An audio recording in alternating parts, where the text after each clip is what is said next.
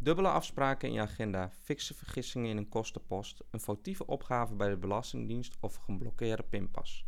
We maken allemaal fouten in het dagelijks leven en met onze business.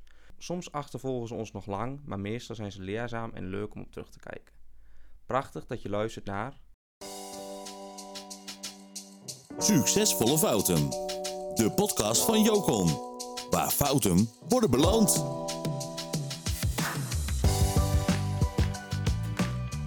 Vandaag ben ik hier met Twan, Twan de Ruiter van Bonse Reuling en Job, Job Wolterink. Eh, goedemiddag mannen, Eh, welkom.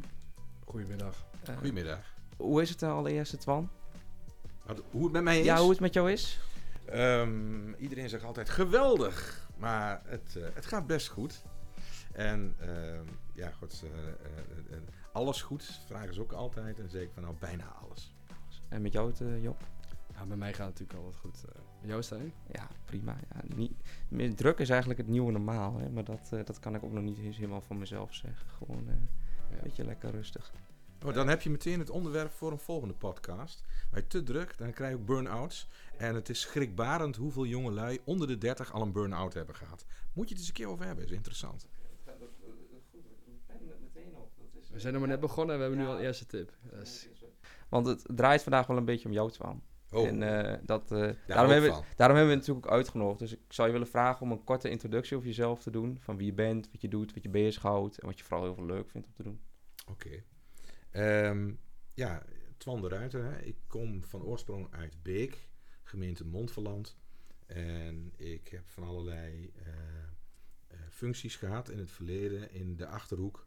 Bij een reclamebureau, bij VNO-NCW en nu bij een accountantskantoor. Eh, maar wel altijd in de Achterhoek. Dus ik heb wel veel rondjes, of in ieder geval door Oost-Nederland gereden. En daar ligt ook mijn netwerk.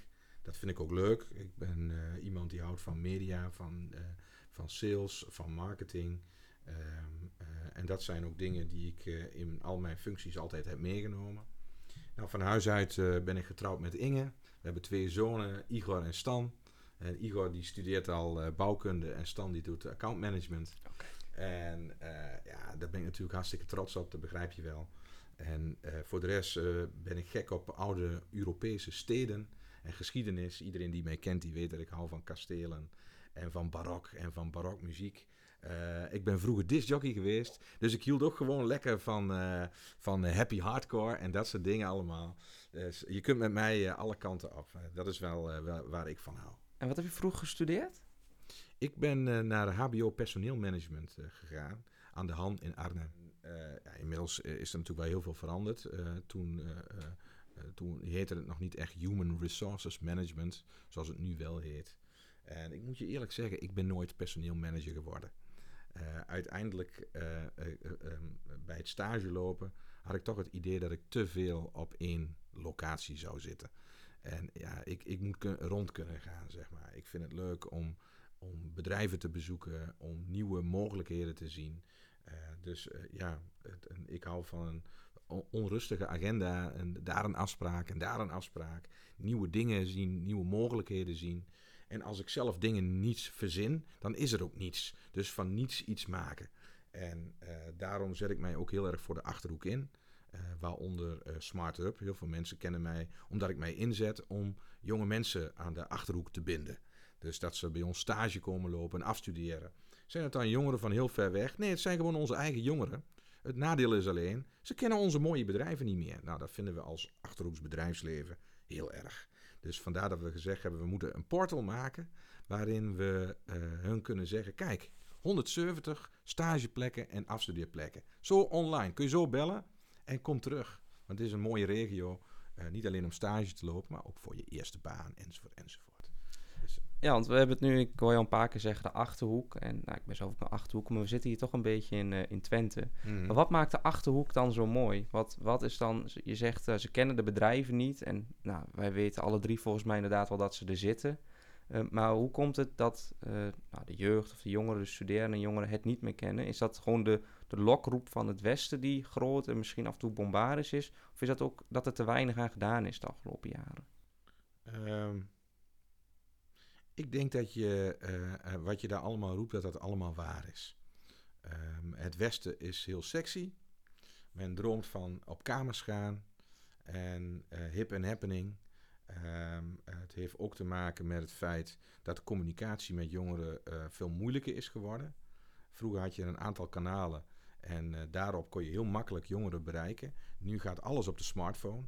Nou, en je weet, op de smartphone ja, ben je in contact met miljarden websites en social media. En iedereen is heel beïnvloedbaar. Dus als jij een paar dingen een keer geliked hebt of, of belezen hebt, dan, dan, dan, dan zit je alleen nog in die cocon van die informatie. Dus ehm, eh, eh, daarnaast is het denk ik ook zo dat ehm, de bedrijven er ook te weinig aan gedaan hebben. En dat ook niet hoefde. Uh, vroeger was het zo, dan had je gewoon op zaterdag de vacaturekrant. Wat is een krant? Hoor ik jonge mensen zeggen. Uh, en daar stonden alle vacatures in.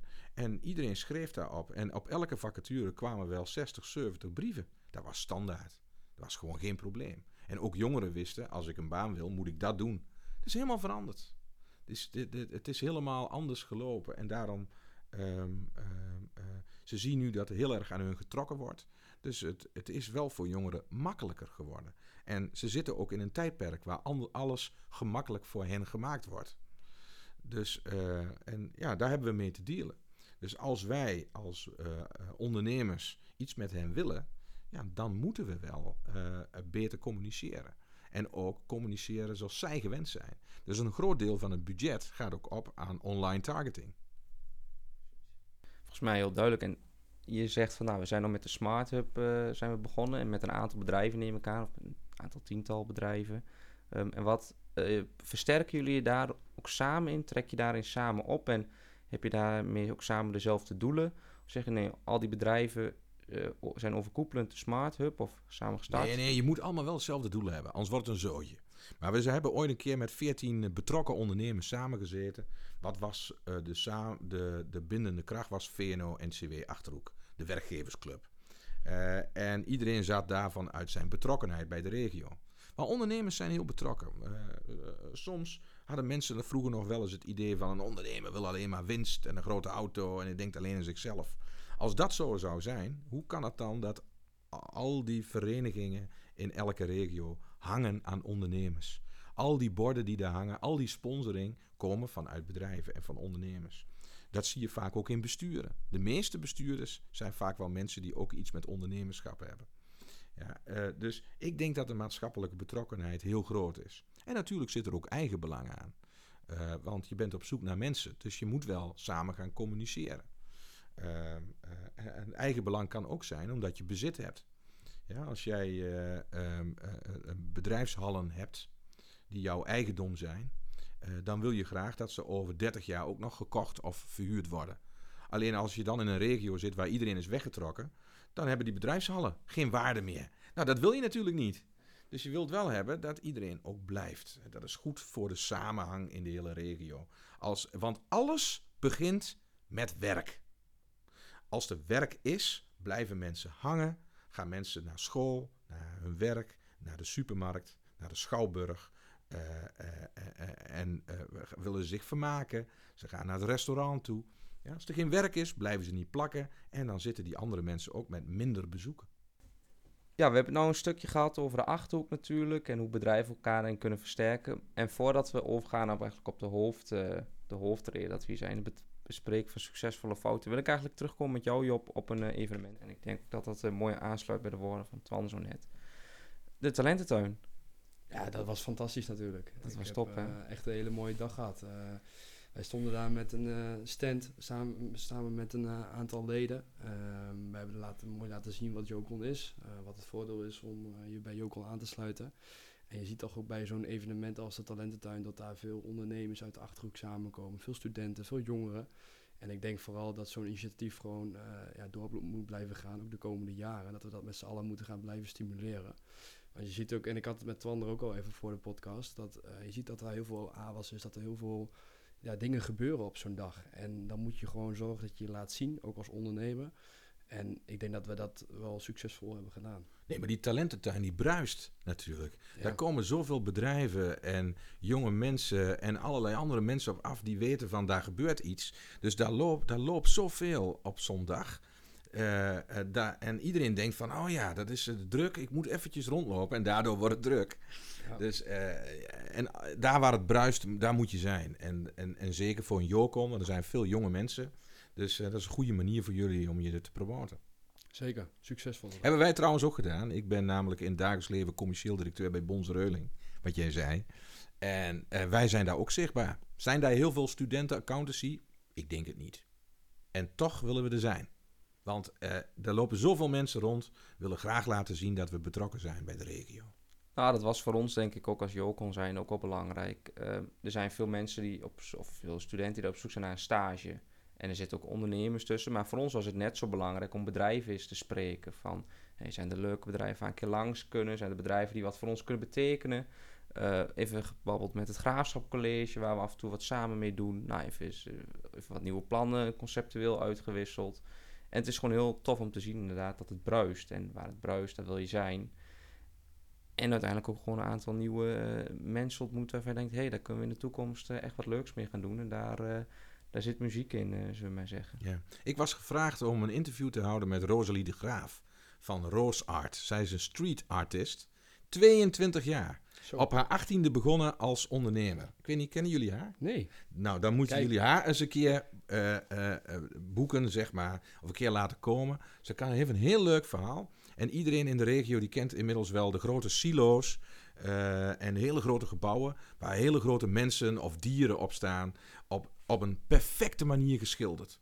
Zij doet dat. Ja, ik heb, ik heb het wel uh, ik heb het op talententuin gezien. Zonder opleiding, hè? Ze heeft geen kunstacademie gedaan of zo. Nee, maar dat, uh, volgens mij, het maken van kunst is niet te leren. Dat moet je doen, zullen we maar zeggen. Ik denk het idee misschien achter kunst is inderdaad, uh, zou je kunnen ontwikkelen. Maar als je daar gewoon puur talent voor hebt, zoals ah, natuurlijk, ja, dan is dat aangeboren en dan groei je daar gewoon mee. Dan is het heel veel doen. En ook heel veel, denk ik, in het begin, dat kan niet voor haar spreken, maar ik denk heel veel dingen maken waar je misschien een paar jaar later van denkt, hm, was niet zo sterk, maar je ontwikkelt je steeds verder. Dan wil ik graag over op, uh, op de succesvolle fouten van. Want uh, ja, de ben ik wel heel benieuwd. Ja, maar ik wou, als, ik wou zeggen, kijk, ik, zit, ik vind tegenwoordig een accountantskantoor.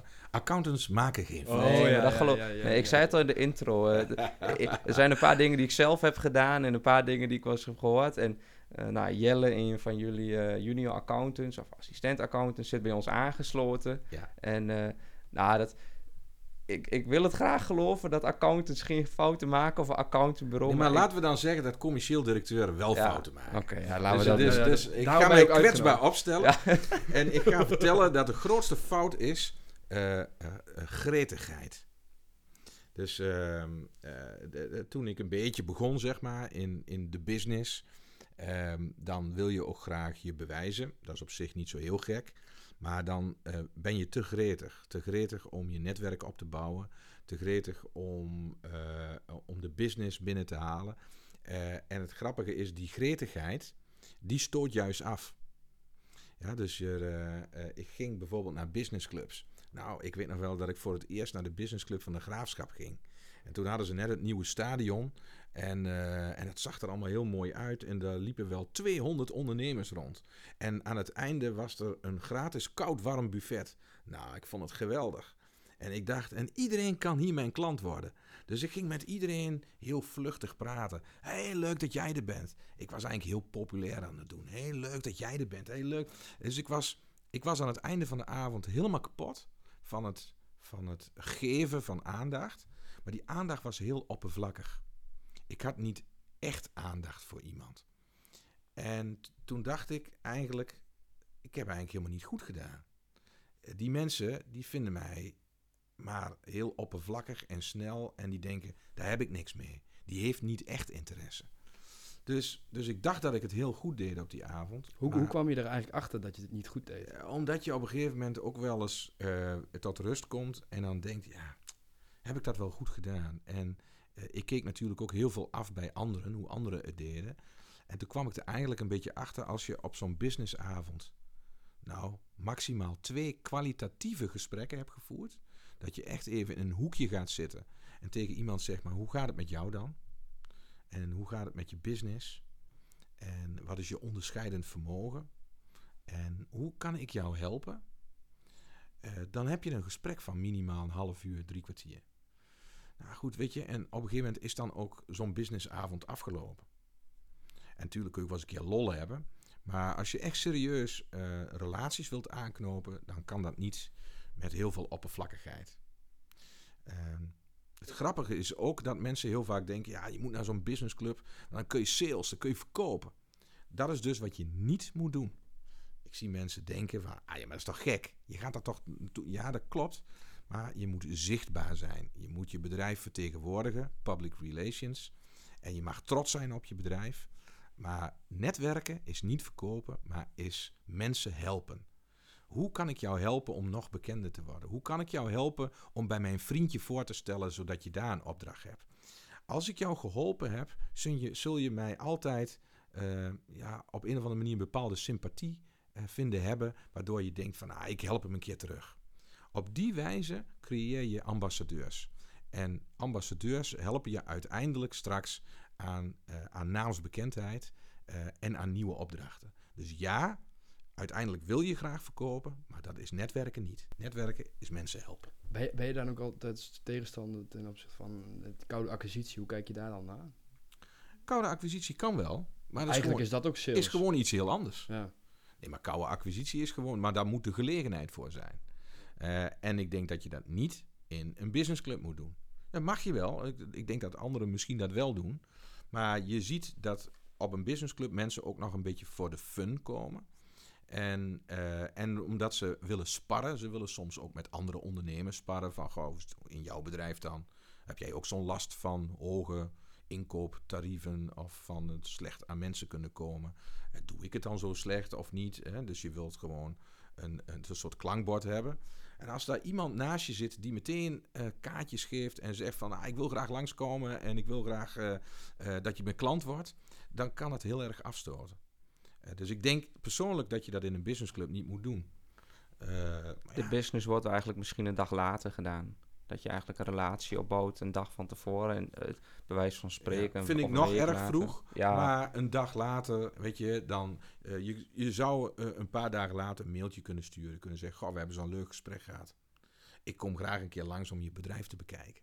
Klinkt heel, heel anders als van: ik, ga, ik wil je graag als klant maken. Ja, daar ben ik het wel volledig mee eens hoor. Ja, dat, en ik denk ook inderdaad niet dat je de dag nadat je iemand de eerste keer hebt ontmoet, inderdaad de business is. Maar als je iemand misschien drie keer hebt gezien, dan heb je drie keer een relatie opgebouwd. En dan kun je inderdaad een keer denken: hé, hey, laat ik diegene eens benaderen. Ik denk dat we wat voor elkaar kunnen betekenen. En dan is eigenlijk de relatie bouw je op bij de, bij de businessclub. En de business doe je letterlijk in de tijd die daar ook voor staat. Zullen we zeggen dat je op kantoor bent of onderweg of uh, hybride werk tegenwoordig thuis. Uh, maar die gretigheid, kwam die dan vanuit... ik wil het laten groeien, ik denk dat ik het beter kan... of ik, uh, ik zie anderen het juist heel fout doen... en ik denk dat ik het misschien iets minder fout kan doen. En nee, het was gewoon onervarenheid. Okay. Weet je, uh, denken van... en, en, en wat ik zeg, gretig omdat je zo graag wilt. maar soms kun je dingen niet, niet, niet heel snel aanjagen. Dat, dat heeft soms ook tijd nodig. Kijk, en uh, hardselling, uh, dat kan ook. Ik heb ook wel in bedrijven gezeten waar dat speelde. Maar dan praat je meer over bijvoorbeeld dus reclameverkoop en zo. Uh, waarbij je uh, huis aan huis of via de telefoon heel snel tot afspraken komen. Ja, daar moet je van houden. Nou, dat past helemaal niet bij me. Ik, ik, ik ben een mensenmens en ik wil graag met mensen in contact komen. En, en voor de langere termijn. En, en, en niet zo snel de kans hebben dat mensen voor je de deur dicht doen. Van ah, hij probeert gewoon wat te verkopen. Het draait alleen nog maar om de sales. Het draait alleen maar om de verkoop. heeft iemand dat wel eens een keer zo recht in je ogen uh, verteld? Of ben je er echt zelf achter gekomen? Uh, nou, ik, uh, ik zag het soms non-verbaal. Dus dan zag je gewoon mensen van oh, echt zo kijken, zo van, oh nee, heb ik echt geen zin in. En op een gegeven moment had ik daar geen zin meer in.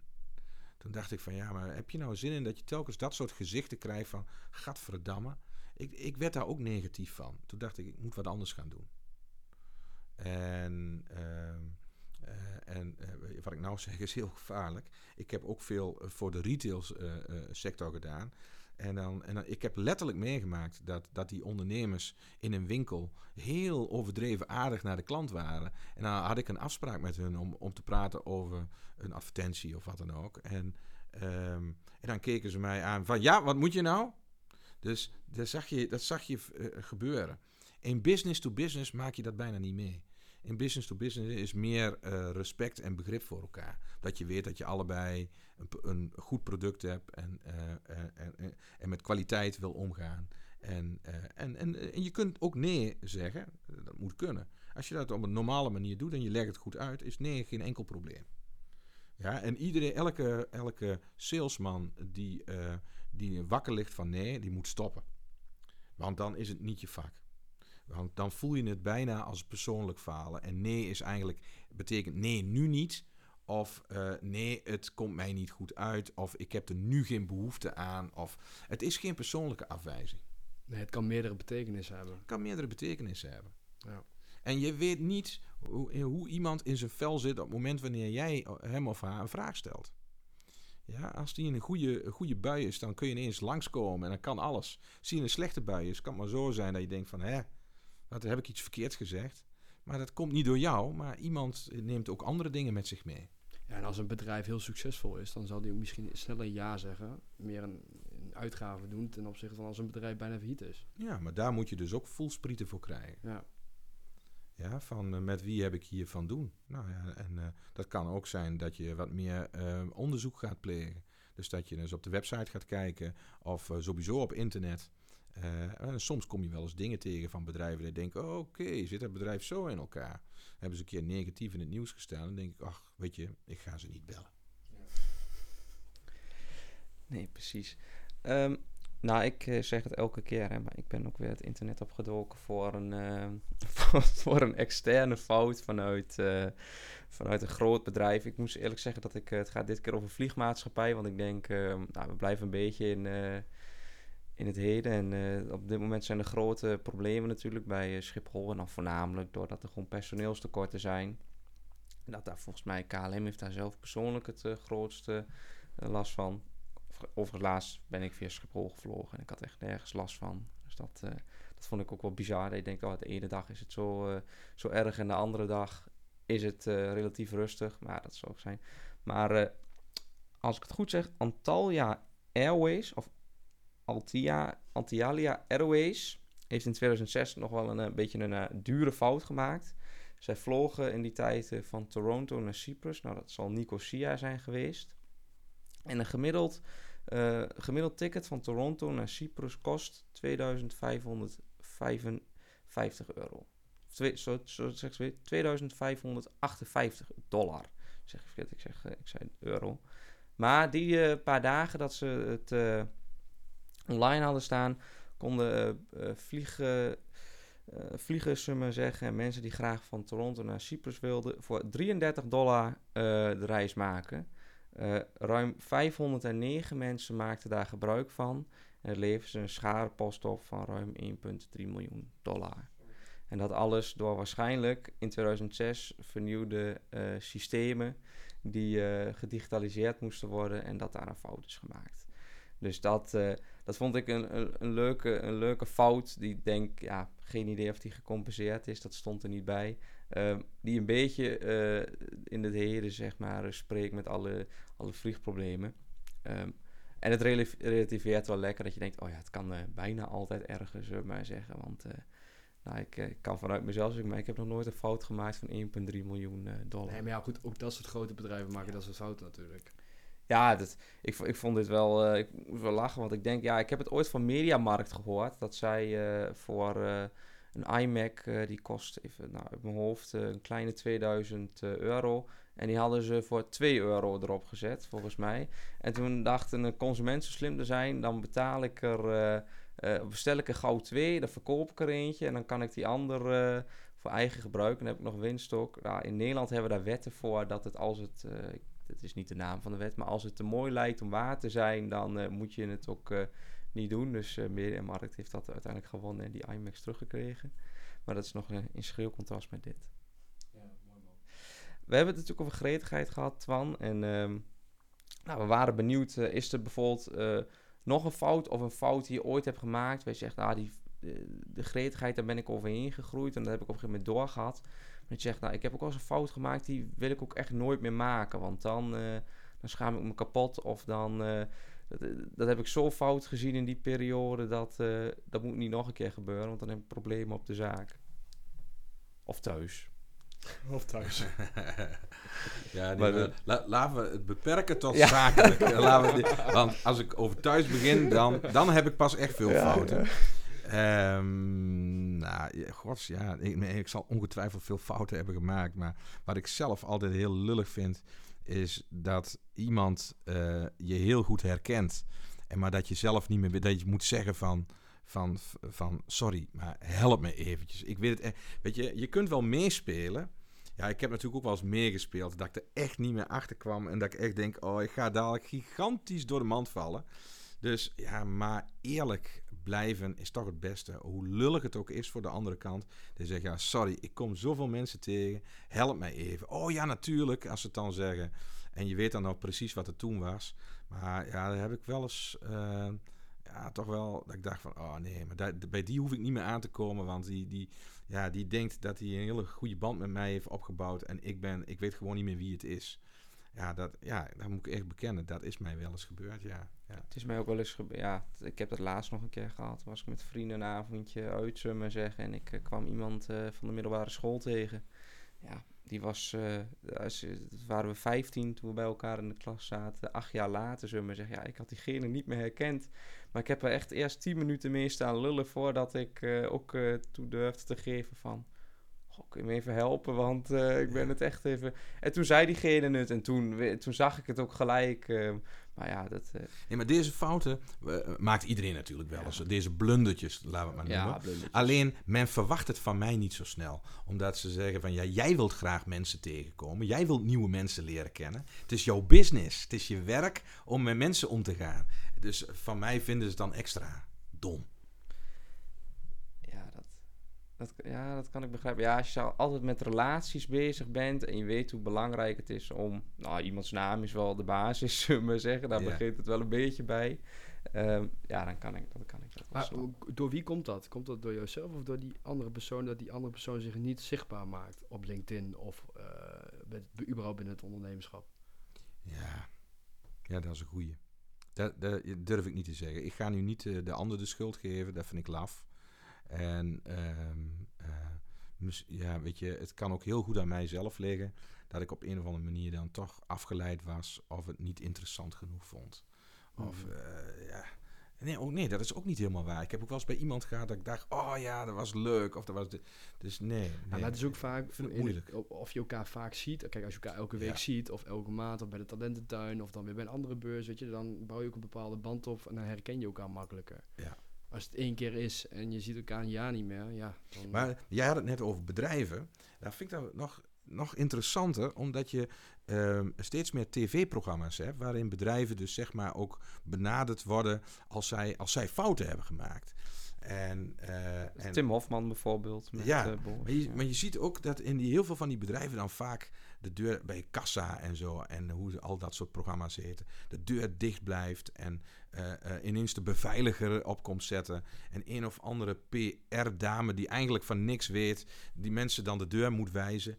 Pijnlijke situatie waarbij als het dan escaleert... ineens de directeur, eigenaar, CEO, weet ik veel wat... helemaal van boven uit de toren moet afdalen om te zeggen... dit hebben wij fout gedaan. Tuurlijk hadden wij dit niet zo moeten doen. Dat, dat vind ik pas pijnlijk.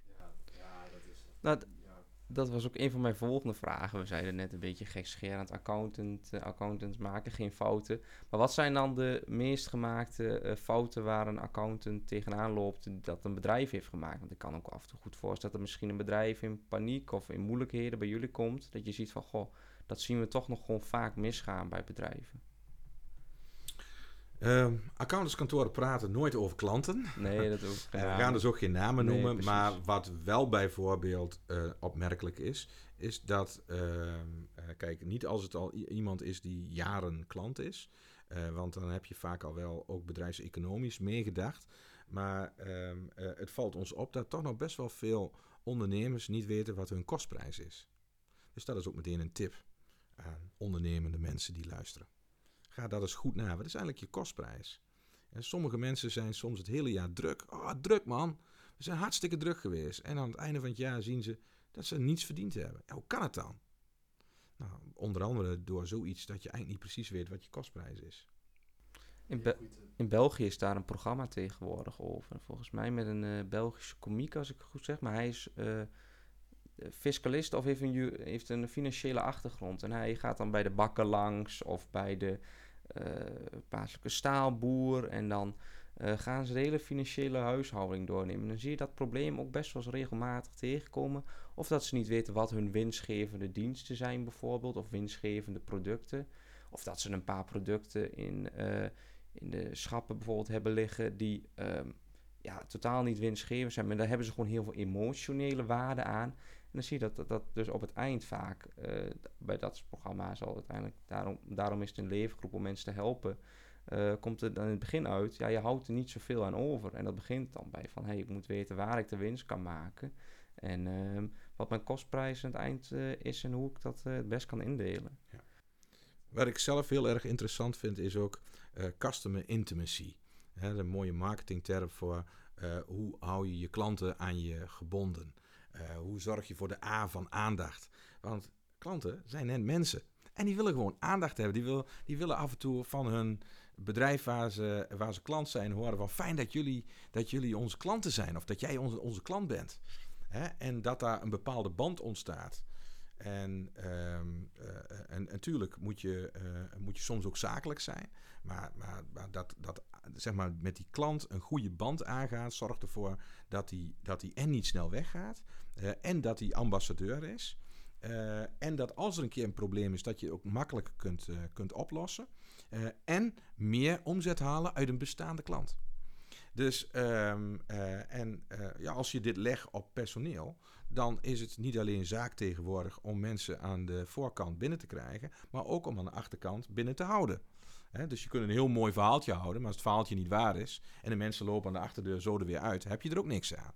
Dus maar aandacht en aandacht geven, ja, dat, uh, dat, is, dat is, een vak apart. En, uh, maar vind ik heel erg leuk. Maar Twan, uh, je geeft aan, je bent, je bent echt een netwerker, hè? Je, daar ben je echt specialist in.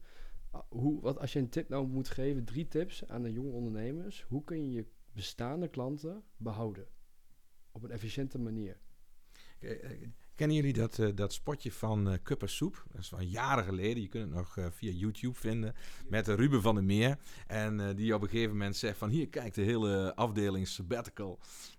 maar hij zegt op een gegeven moment ook... Om ze te houden, moet je van ze houden. Nou, dat heb ik ooit wel eens een keer bij de vereniging VNO-NCW gezegd. Want die hebben leden. En toen had ik het over van... Ja, dat moet je dus dan doen. en werd, werd ik eerst uitgelachen van ze houden. Moet je iemand. Ik zeg ja, maar ik bedoel, dat is niet hetzelfde als ze houden van je partner, maar wel houden van je leden. Dus, um, uh, dus daar waar het eerst een grapje was, uh, werd het later veelvuldig gebruikt. Om ze te houden, moet je van ze houden. Um, uh, dus en dat is heel belangrijk voor, voor, voor, voor ondernemers. Als je niet altijd tijd hebt om iedereen af te rijden, uh, dan kun je er ook voor kiezen om één keer per jaar een soort event te organiseren. Dan, komen ze, dan ga jij dus niet heel uh, rond. Dat, is, dat kost heel veel energie. Het aanrijden, de benzine, uh, overal gesprekjes. Um, en een event komen ze in één keer bij jou. Ja, het enige nadeel is natuurlijk, ja, als je 250 man hebt uitgenodigd, die kun je niet allemaal evenveel aandacht geven. maar ze komen voor jou. Dus ze komen voor dat handje. Dus ga dan niet zelf zitten tappen of glazen wassen of wat dan ook. Zij komen om jou een handje te geven. Geef ze die hand. Geef ze desnoods twee handen. En zeg: Fijn dat jij er bent. Daar komen die mensen voor. En wat, wat is voor jou de beste manier om je bestaande klanten of uh, relaties te behouden? Um, Kijk, ik, ik doe dat met name uh, op de public relations. Ik moet gewoon zorgen dat de naam Bons Reuling überhaupt bekend is. Want iets wat je niet, niet kent, koop je ook niet. Onbekend maakt onbemind. Uh, in onze branche is het wel zo dat je, uh, je het meeste contact hebt met, met je accountant. Dus dat is degene die ook voor jou het gezicht is van dat kantoor. Dat is ook degene waar je de meeste contacten mee hebt. Daarom zie je ook dat dat uh, dat vak zich heel erg ontwikkelen is van, vroeger noemden ze dat de boekhouder. Daar was er vaak een beetje een saai iemand die van cijfertjes hield. Ja, daar werd er wel eens een beetje over gelachen. Maar tegenwoordig, die accountants, dat zijn mensen die ook sociale vaardigheden hebben. Die moeten ook kunnen praten met die ondernemer. En meenemen in een, in een verhaal van, van hoe gaan we dat doen als we je bedrijf willen gaan verkopen. Of, of, of hoe kunnen we het meer winstgevend maken. Of hoe kunnen we risico's weghalen. Uh, zodat we bijvoorbeeld wat meer dingen in holdings of in beheerstructuren gaan zetten. Zodat je minder risico's loopt. Of uh, gewoon echt als een sparringpartner meedenken. Nou, en dat, dat zijn zeg maar de relatiemensen bij Bonze Reuling. En het is niet zo dat ik die, bedrijf, die bedrijven allemaal langs ga. Want dat zou, dat zou gewoon te ver gaan. Op zo'n evenement is ook nog... Uh, jouw klanten kunnen onderling met elkaar ook weer een praatje maken. Dus dat... Je creëert een meeting point. Ja. Dus uh, ze kunnen als uh, ja, je hebt dan waarschijnlijk tijd en inderdaad om die 250 man allemaal een hand te geven en met een aantal inderdaad een goed gesprek te hebben. Maar die anderen kunnen, die 250, die kunnen met elkaar ook een gesprek hebben. Dus ze komen daar denk ik ook geen aandacht tekort op zo'n evenement. Nee, denk ik ook. Nee, denk precies. En je creëert ook voor ondernemers weer een business meeting point, waarin ze ook elkaar weer even treffen. En uh, ja, ik, ja, ik, weet je, um, omdat alles online is tegenwoordig, hè, dat is het toverwoord, is een, vind ik, een event vind ik uh, uh, ja, het ultieme. Dat is weer lekker offline. Het is mensen zien. Je, je kunt alles nog zo robotiseren en automatiseren. En ik weet wel dat dat de tendens is. Maar wij zijn mensen. En mensen houden van mensen. En wij willen uiteindelijk toch elkaar tegenkomen. En dat heb je na corona wel heel duidelijk kunnen zien. Precies. Was dat ook lastige corona voor jullie bijvoorbeeld? Voor mij vooral. Ja. Dus omdat je gewoon niet naar mensen toe kunt. Ja. En is dat nog steeds dat het afhoudender is van kom langs of uh, doen we het via Zoom? Nee, dat ervaar ik niet zo. Het is wel zo dat als een klant wat verder weg is en je kent elkaar al goed en je hebt al dat handje gegeven en je hebt al het vertrouwen, dan ga je uh, voor een half uurtje bijpraten, niet even helemaal naar Utrecht. Deed je dat vroeger wel? Uh, dat deed men vroeger wel meer. Ik denk dat voor dat soort dingen even makkelijk even bijpraten, dat, dat daar het, het zoomen, zeg maar, wel blijft. Dat denk ik wel.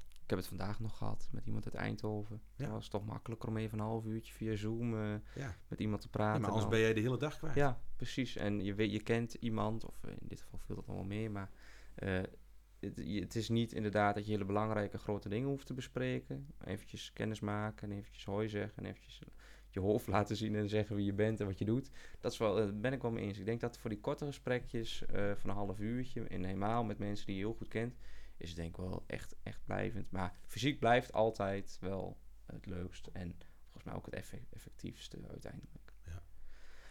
Dat me even af, Twan. Wij gaan uh, aankomende donderdag uh, of twee dagen bij Moneybird langs. Zijn er een hoop ondernemers die daarmee starten en vervolgens op een gegeven moment bij jullie terechtkomen? Dat ze misschien zo hard groeien of zo doorgegroeid zijn. Dat ze zeggen, hey, uh, ik deed dat eerst zelf, dat gedeelte. En nu heb ik nou, misschien een paar mensen in dienst. Het is uh, tijd dat ik dat uh, bij een echt accountantbureau ga uitbesteden. Ja, nou ken ik Moneybird zelf niet zo goed. Maar dat wat je zegt, ik denk dat dat zeker zo is. Ja, en of dat nou Moneybird is of een, een, een, een, een administratiekantoor of iemand, een in-één-pitter, weet je. En die kunnen het ook goed hoor. En zeker als jij net voor jezelf begonnen bent dan wil je ook graag een beetje op de kosten letten. En dat begrijp ik heel goed. Uh, alleen, ja, als uh, naarmate je business ingewikkelder wordt, heb je ook ingewikkelde vraagstukken en heb je daar ook meer specialisten bij. En dan kom je naar uh, kantoren als bijvoorbeeld Bonsereuling. Nou ja, nee, wat je zegt, ik heb er ook over zin. En ook mooi inderdaad voor onze nieuwe partner. Dat gaat ook wel echt, echt tof worden. Echt, echt leuk mee gepraat. Dat was echt, was echt mooi. Um, en voor de rest, um, ja, vind jij het leuk als jonge ondernemer om eens langs te komen vrijblijvend op een van onze evenementen? Uh, als Jokon zijnde organiseren we uh, gemiddeld één keer per maand. Dus deze maand is het gekhuis drie keer uh, per maand deze keer een evenement. En dat zijn gezellige, formele en informele, af en toe een beetje afgewisseld in de zin van skills met gezelligheid met een biertje ernaast. Waar je een hoop jonge ondernemers kunt leren kennen en die allemaal met dezelfde passie zijn begonnen. Uh, en allemaal tegen dezelfde barrières aanlopen. Voel, je niet, voel je niet tegenhouden om ons bericht te sturen of naar onze website te gaan en daar een berichtje achter te laten. Eerste keer is het natuurlijk geheel vrijblijvend en we vinden het sowieso leuk om altijd nieuwe mensen te leren kennen. Um, Twan? Ik, ik zou haast willen zeggen, dus Kijk snel Ja. op jokon.nl. ja, ja, die houden we erin. Die houden we erin. Eh, dan wil ik jou eh, bedanken, Twan. eh, eh, voor je komst, voor je bijdrage aan de podcast. En eh, heel veel succes in de komende jaren. Dankjewel. En, eh, heel, Heel veel veel plezier succes. ook vooral. Dat, Ja, en jij bedankt voor de goede vragen, voor de interesse. En eh, heel veel su- succes ook met deze podcast. eh, en eh, we blijven allemaal luisteren. ja, we gaan voor nummer 1 positie nu. Dus dat, eh, dat komt goed. Trending op Spotify. Succesvolle fouten. De podcast van Jocon. Waar fouten worden beloond.